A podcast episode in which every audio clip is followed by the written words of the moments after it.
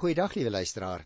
Ons kom vandag by nog 'n baie praktiese saak, want uh, jy sien hier in Galasiërs by die 6ste hoofstuk en ek wil die eerste 10 versies graag vandag met jou behandel, is die opskrifie dra mekaar se laste. Nou ja, dis nie so 'n ligte saakie nie, né, want dit keer vir jou, vir my dikwels so 'n bietjie in die hoek. En hierdie gedeelte gee juis vir ons 'n insaag in wat dit beteken om deur die Heilige Gees gelei te word. Die klem val in hierdie 10 verse daarop, liewe luisteraar, dat gelowiges geestelik met mekaar moet lewe. Nederig moet wees, nie hoogmoedig moet wees nie en bewus van ons eie tekortkominge. En nou lyk dit vir my spesifieke opdragte vir hierdie onderlinge liefdesdiens word hier gegee.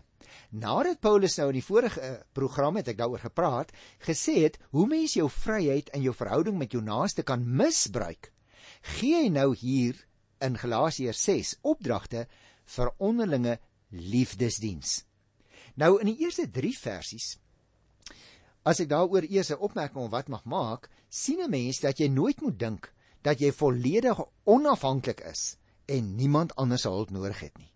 Of ons moet ook nie dink, liewe luisteraar, dat ons nie onder die verpligting staan om ander te help nie. Ons het mekaar nodig. Ek het ander nodig en hulle het vir my nodig.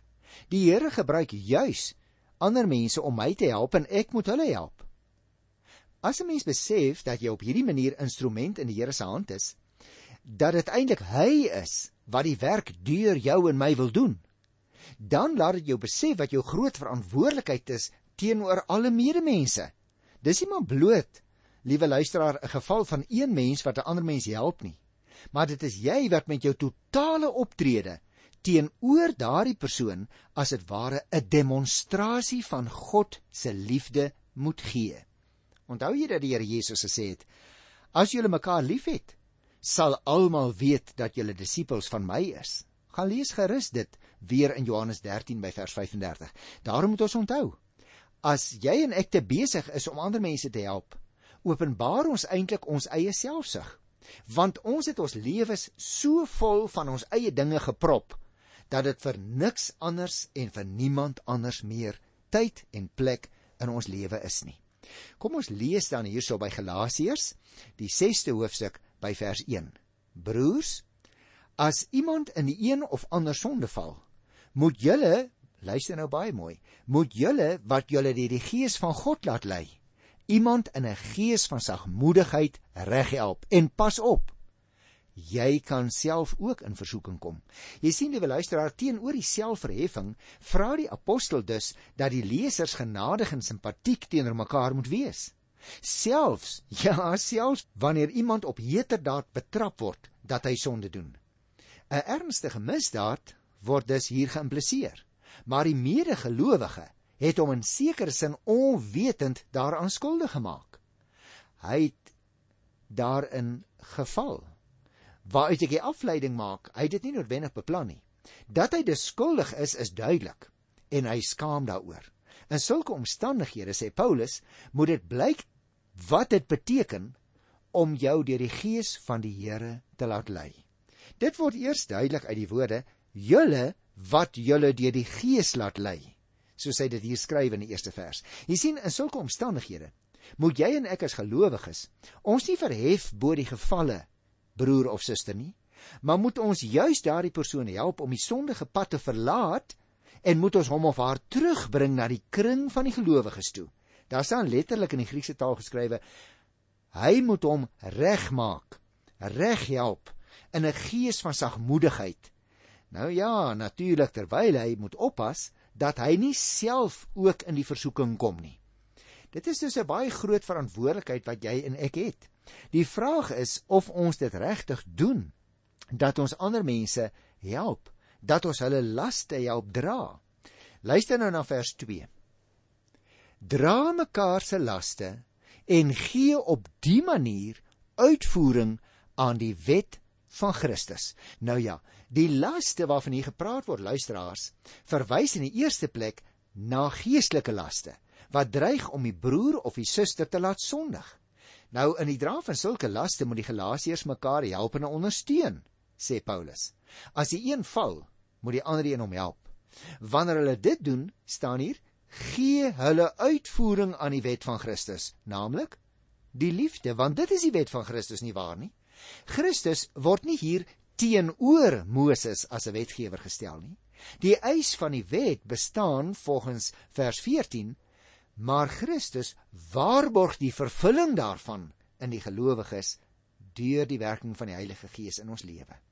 Daarom, liewe luisteraar, hierdie opregte liefde vir mekaar as gelowiges word gesien as die vervulling van die hele wet. Luister na vers 3. As iemand hom verbeel hy is iets en hy is niks, bedrieg hy homself. Ek word eintlik skaam as ek dit lees hoor, want hier gaan die apostel voort met dieselfde tema. As iemand hom verbeel hy is iets en hy is niks, bedrieg hy homself. 'n Mens moet besef, liewe luisteraar, wat jy is en wat jy het. Jy is en het dinge alleen deur die genade van die Here. En daarom vers 4. Paulus skrywe: Laat elkeen sy eie doen en late ondersoek. As dit goed is, kan hy daarop trots wees sonder om dit met die van ander te vergelyk. Dis 'n baie belangrike opmerking. As jy jou lewe ondersoek en beoordeel, dan is dit uiteindelik, liewe luisteraar, 'n saak tussen jou en die Here. Die belangrikste is nie wat mense van jou dink nie. Die belangrikste is nie of mense jou vergelyk met ander nie. Maar die vraag is, wat dink die Here van my optrede ook in my optrede teenoor ander mense? Dit wil sê, hoe die praktyk van my lewe vergelyk met hoe die Here wil en hoe dit eintlik elke dag na vore kom. Liewe luisteraar, jy en ek is nog nie goed as ons ander mense vind wat slegter is as ons nie. Ons is eers goed as die Here vir ons sê: "Mooi so, goeie en getroue slaaf." Daarom is die vraag: Help jy dra aan ander mense se laste? Help ek daaraan dra? Want jy sien, in dit alles is my troos dat ek nou besig is om my in te span om voor die Here te staan in gehoorsaamheid. Jy moet oplet, ek probeer my nie vir die Here aanvaarbaar maak nie.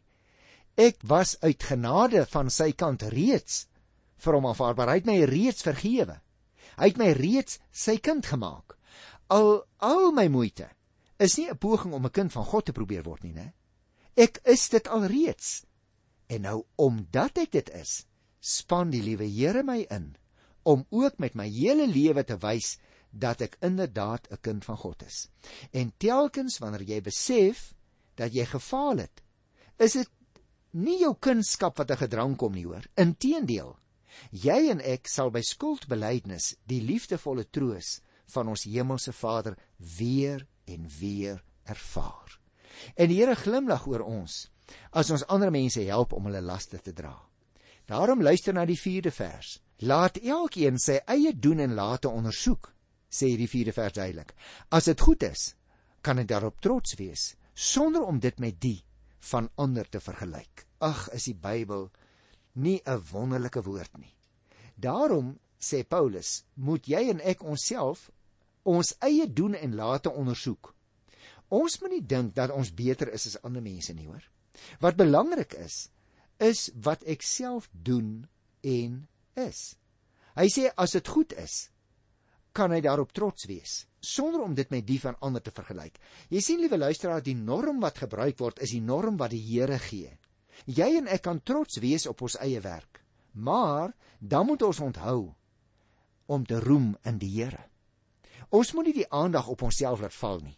Hy sê in vers 5: Elkeen sal rekenskap moet gee oor wat hy gedoen het. En hierdie vers luisteraar klink amper na 'n spreekwoord en dit bevestig die feit dat elkeen met sy eie werk besig moet wees en nie met die van ander se werk nie. Elkeen staan daar sal rekenskap moet gee oor wat hy of sy natuurlik gedoen het. God sal elkeen van ons tot verantwoording roep. As dit nou in hierdie hele gedeelte gaan oor help ek ander mense hulle laste dra. Dan word ek bietjie skrikkerig hoor, want ek sal voor die Here verantwoording moet doen as ek ander mense nie hulle laste help dra nie. Luister net na vers 6.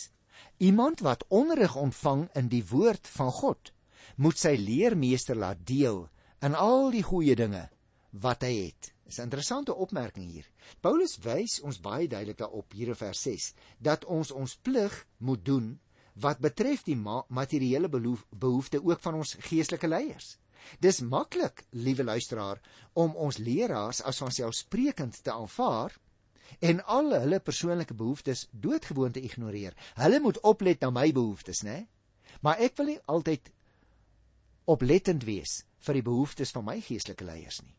Ons moet vrywillig na hulle omsien in die wete dat dit die Here is wat deur hulle en vir ons wil sorg. En hy werk deur ons almal om na mekaar om te sien. Nou is dit natuurlik 'n bietjie moeilik om die verband te vind van wat in vers 6 gesê word en wat nou nog gaan volg. Hier word in elk geval gesê iemand wat onderrig ontvang in die woord van God moet sy leermeester laat deel in die goeie dinge wat hy het. Blykbaar lyk dit vir my luisteraar word hier verwys na die amp van 'n bedienaar van die woord. Met wat Paulus hier noem die woord van God word hier bedoel die indringende onderrig na die eerste verkondiging van die evangelie. Die leermeester mag nie buite my gedagteveld wees as ek myself afvra Wie se las kan ek help dra nie? Miskien het my geestelike leier ook bepaalde laste wat hy nie aan my vermeld nie. En daarom moet ek bedag wees daarop. As ek nou hier van vers 7 af tot by vers 10 wat ek uh, graag tot daar wil behandel, eh, 'n uh, algemene opmerking eers mag maak, dan sou ek wou sê, hoe waar is die spreekwoord tog nie? Wat jy sleg van ander mense praat, moet jy nie verbaas wees as jy naderhand geen vriende oor het nie, hoor. As jy die saad wat jou sondige natuur aan jou voorsien, leer saai in jou eie lewe, dan moet jy die vrug pluk wat daarvan gaan kom. Luister na vers 7. Moenie jouself mislei nie. God laat nie met hom spot nie. Wat 'n mens saai, dit sal hy ook oes. Jy sien die lesers moet gewaarsku wees. Hulle moet hulle self nie mislei nie, sê die apostel. Hulle moet weet hoe ernstig die situasie is. God eis rekenskap en hy laat nie met hom spot nie. Hy laat mense nie toe om te speel met die verkondiging van die genade wat aan ons meegedeel is deur die prediking nie. Ons het 'n verantwoordelikheid om dit in ons lewens neerslag te laat vind en dit te doen.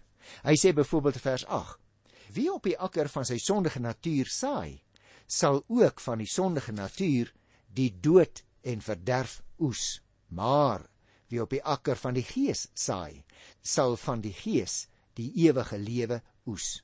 Dit is dus baie belangrik dat Paulus weer 'n keer uitwys. Die ou natuur is verby, maar as ek my laat lei deur die ou natuur, dan gaan ek sonde doen en dan sal ek ook voor die Here verantwoording moet doen. Dit is dus baie belangrik, liewe luisteraar, dat jy en ek regtig met groot erns na ons eie lewens sal kyk en dat ons onder die leiding van die Heilige Gees elke dag van ons lewe sal optree en sal lewe. Luister na vers 9. Laat ons dan nie moeg wees om goed te doen nie. Want as ons nie verslap nie, sal ons op die bestemde tyd ook die oes insamel. Solank ons die geleentheid het, moet ons dit aan almal goed doen, veral aan ons mede gelowiges. Dis 'n baie belangrike ding wat ons dikwels vergeet. Want jy sien, liewe luisteraar, die apostel sê vir hier vir ons baie baie duidelik, jou natuurlike geaardheid se neiging is om aan ander te doen soos wat hulle aan jou doen. As hulle goed aan jou doen, dan doen jy ook goed aan hulle. En as hulle kwaad aan jou doen, dan wil jy ook vir hulle bietjie terugkry en dit doen jy en ek ook dikwels kwaad aan hulle. Nou sê die apostel, moenie aan hierdie neiging wat 'n verkeerde neiging is, toegee nie, want dan saai jy die saad van jou sondige natuur. Die Heilige Gees wil jou juis in staat stel om die teenoorgestelde te doen, om jou gedrag nie la te laat bepaal deur wat ander aan jou doen nie, maar net wat die Here wil hê jy moet doen. En hier speel die Heilige Gees 'n belangrike belangrike rol in ons lewe. Moenie moeg word om goed te doen nie. Jy sien, Die Galasiërs word dus opgeroep om nie moeg te word om goed te doen nie. Die doen word in 'n sekere sin beklemtoon, lyk dit vir my, want hy herhaal dit. Hoewel die oes oënskynlik uitbly as ons goed doen, moet ons daarin volhard, want op die tyd wat deur God bepaal word, sal die oes ingebring word. Daarom sê hy baie duidelik in die 10de vers: Solank die geleentheid daar is, moet aan almal goed gedoen word, veral voeg hy by aan die medegelowiges. Jy sien liewe luisteraar, die Christen moet nie eksklusief wees nie. Ander mense moet ook die goeie gesindheid van die Christene ondervind. Ons moet dus aan medegelowiges goed doen. Maar dis nie uitgesluit nie dat ons ook aan ander mense moet goed doen. Daarom wil ek nou graag voordat ons afsluit vir vandag vir jou 'n belangrike vraag vra.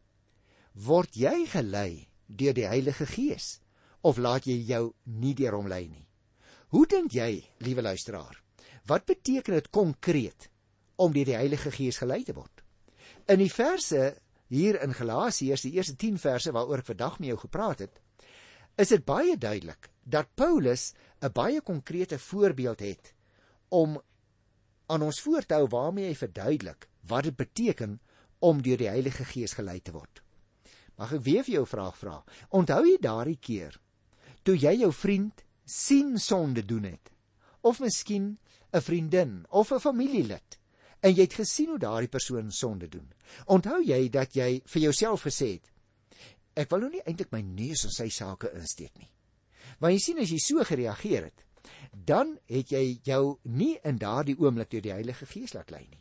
Vers 1 het tog duidelik vir ons gesê dat 'n Christen wat hom deur die Heilige Gees laat lei, so iemand in 'n gees van sagmoedigheid sal probeer help. Jy moet oplet. As daardie persoon val, sê die eerste vers, dit is is duidelik dat die persoon skuldig is, maar dat hy nie met opset in die gat geval het nie. En dan is dit jou en my taak, sê die apostel, om hom of haar reg te help. Met ander woorde, regmaak. Gaan kyk maar in Matteus 4 by vers 21 gaan kry dieselfde gedagte. Ons menslike karakter, liewe luisteraar, streef graag na die verkeerde dinge. En daarom moet ek versigtig wees dat ek daardie ou wat struikel en val nie verder seermaak omdat hy geval het nie. Nie sy neus verder in die stof vryf nie hom nie maar sy gang laat gaan nie, hom nie ignoreer nie, hom ook nie uitlos nie, maar dat ek hom moet help om sy las te dra. Ek moet hom dus nie seermaak nie. Ek moet hom nie sy eie gang laat gaan nie, maar ek moet hom help. Ek moet hom help regmaak, want sy lewe het seer gekry. Sy karakter het seer gekry. Behandel hom dus soos iemand wat jy graag in jou lewe sou wou sien wat jou behandel met groot liefde wanneer jy self gestruikel het of in 'n gat geval het. Want sien, liewe luisteraar, in sulke omstandighede, lyk dit vir my sê die apostel, moet dit blyk, moet dit konkreet blyk wat dit beteken om die gees van die Here in jou lewe te hê. En tweedens, die apostel sê, moenie jouself verhef bo jou gefalle broer of suster nie. Help hom om die sondige pad te verlaat bring hom terug na die kring van die gelowiges toe. So lyk dit konkreet om deur die gees van die Here gelei te word. As ek jou weer 'n oombliekie mag herinner aan die tweede vers, want ek is so bang ons praat oor hierdie goed en ons praat nie oor die praktyk nie. Dit gaan in die tweede vers, as ek dit net weer 'n keer vir jou mag lees. Paulus sê: "Dra mekaar se laste. Gee op dië manier uitvoering aan die wet van God." Jy sien, Dit gaan nog steeds lyk dit vir my liewe luisteraar om geestelike laste. Want jy sien hierdie broer het nie net sy arm gebreek nie. Hy het nie net moed verloor nie. Maar sy hart is ook seer gekry. Hy het as mens seer gekry en daarom moet ons mekaar help, moet ons mekaar ondersteun. Ons mag nie passief wees as iemand seer gekry het en gestruikel het nie. Kyk op 'n voorbeeld weer na vers 3 vir 'n oombliekie. Ek het nog 'n bietjie tyd. As iemand hom verbeel, hy is iets en hy is niks, bedrieg hy homself. Nou dis baie belangrik want liewe luisteraar, jy sien jy en ek moet aan die een kant tog nie dink dat ons iemand is nie. Dat ons so besonder is nie. Asof jy en ek nie al gesondig het nie, né? Maar aan die ander kant het die 4de vers vir ons gesê, mag ons ook trots wees op ons eie doen en late as dit goed is. As dit met ander woorde die vrug van die Gees is wat in ons lewe praktyk word en ons help iemand anders. Ja, 'n mens mag trots wees op jou goeie werk, maar dan moet onthou word dat dit 'n roem in die Here moet wees. Ons moet nie die lig op onsself trek nie. Paulus het dit dus hier teen 'n gees van oorselfversekerdheid. Hy wat homself voortdurend met homself wil vergelyk, is dom. Ons moenie dit doen nie. Want as jou en my eie maatstaf die maatstaf vir ons lewe word, dan roem ons eintlik in onsself terwyl ons eintlik in die Here moet roem. En let op na die 5de vers wat ons daar gelees het. Ek ek ek wil dit weer lees omdat dit so belangrik is, liewe luisteraar. Paulus sê elkeen sal rekenskap moet gee oor wat hy gedoen het. Met ander woorde, elkeen wat hom deur die Gees laat lei, is met sy eie werk besig en nie die van die ander nie. Ek moet sorg dat ek self deur die Heilige Gees gelei word. Ek moet op puntdiens elke dag wees. Ek moet my verantwoordelikheid aanvaar. Jy en ek, liewe luisteraars, sal elkeen geoordeel word ooreenkomstig ons eie dade, nie wat die ander gedoen het nie. En ons is dikwels so behep met die ander dat ek nie die vrug van die Gees in my lewe sien nie. Dat ander dit ook nie in my lewe sien nie. Hoe was jou humeur byvoorbeeld? Op grond waarvan het jy gemeen om die reg te hê om sommer net kwaad te word vir iemand anders. Want sien luisteraar, oor daardie lelike woorde wat ons sê, oor daardie negatiewe uitlatings wat ons maak oor ander mense, oor daardie insidente waar ons in situasies gemaak het oor ander mense se karakter. Dit kan mos nie wees dat die Heilige Gees ons gelei het om dit te doen nie. En daarom is die vraag wat ek myself voortdurend moet afvra: Dra ek ander mense se laste? Of is ek so met myself besig dat ek sien hoe 'n medebroer en 'n medesuster as ware struikel en ook ondergang, maar ek doen niks daaraan nie. En daarom die oproep wat tot ons gekom het in die 9de vers en dit is 'n baie duidelike oproep waaroor ons geen twyfel kan hê nie. Hy sê: "Laat ons dan nie moeg word om goed te doen nie. Want as ons nie verslap nie, sal ons op die bestemde tyd ook die oes insamel. Liewe luisteraar, dis 'n baie baie wonderlike woord wat die apostel hier sê, want die Christen moet sy goed doen nie eksklusief hou nie. Dit nie net aan sommige mense bewys nie, maar ons moet ons goed doen aan almal bewys. Dit sê die 10de vers ook. Veral aan die medegelowiges. En daardeur kom die goeie gesindheid van die Here Jesus ook na ander mense toe deur. Word my oog die Here se oog in die wêreld. Word my goeie daad die Here se goeie daad aan iemand anders. Daarom wil ek jou ten slotte vra: Word jy gelei deur die Heilige Gees? Ja? Is jou antwoord ja? Hoe slaag jy die toets om ander mense se laste te help dra? Want daar in die praktyk van elke dag, daar sal dit blyk of jy en ek ons deur die Gees van die lewende God sal laat lei. Ek groet jou in sy wonderlike naam tot volgende keer. Tot dan. Totsiens.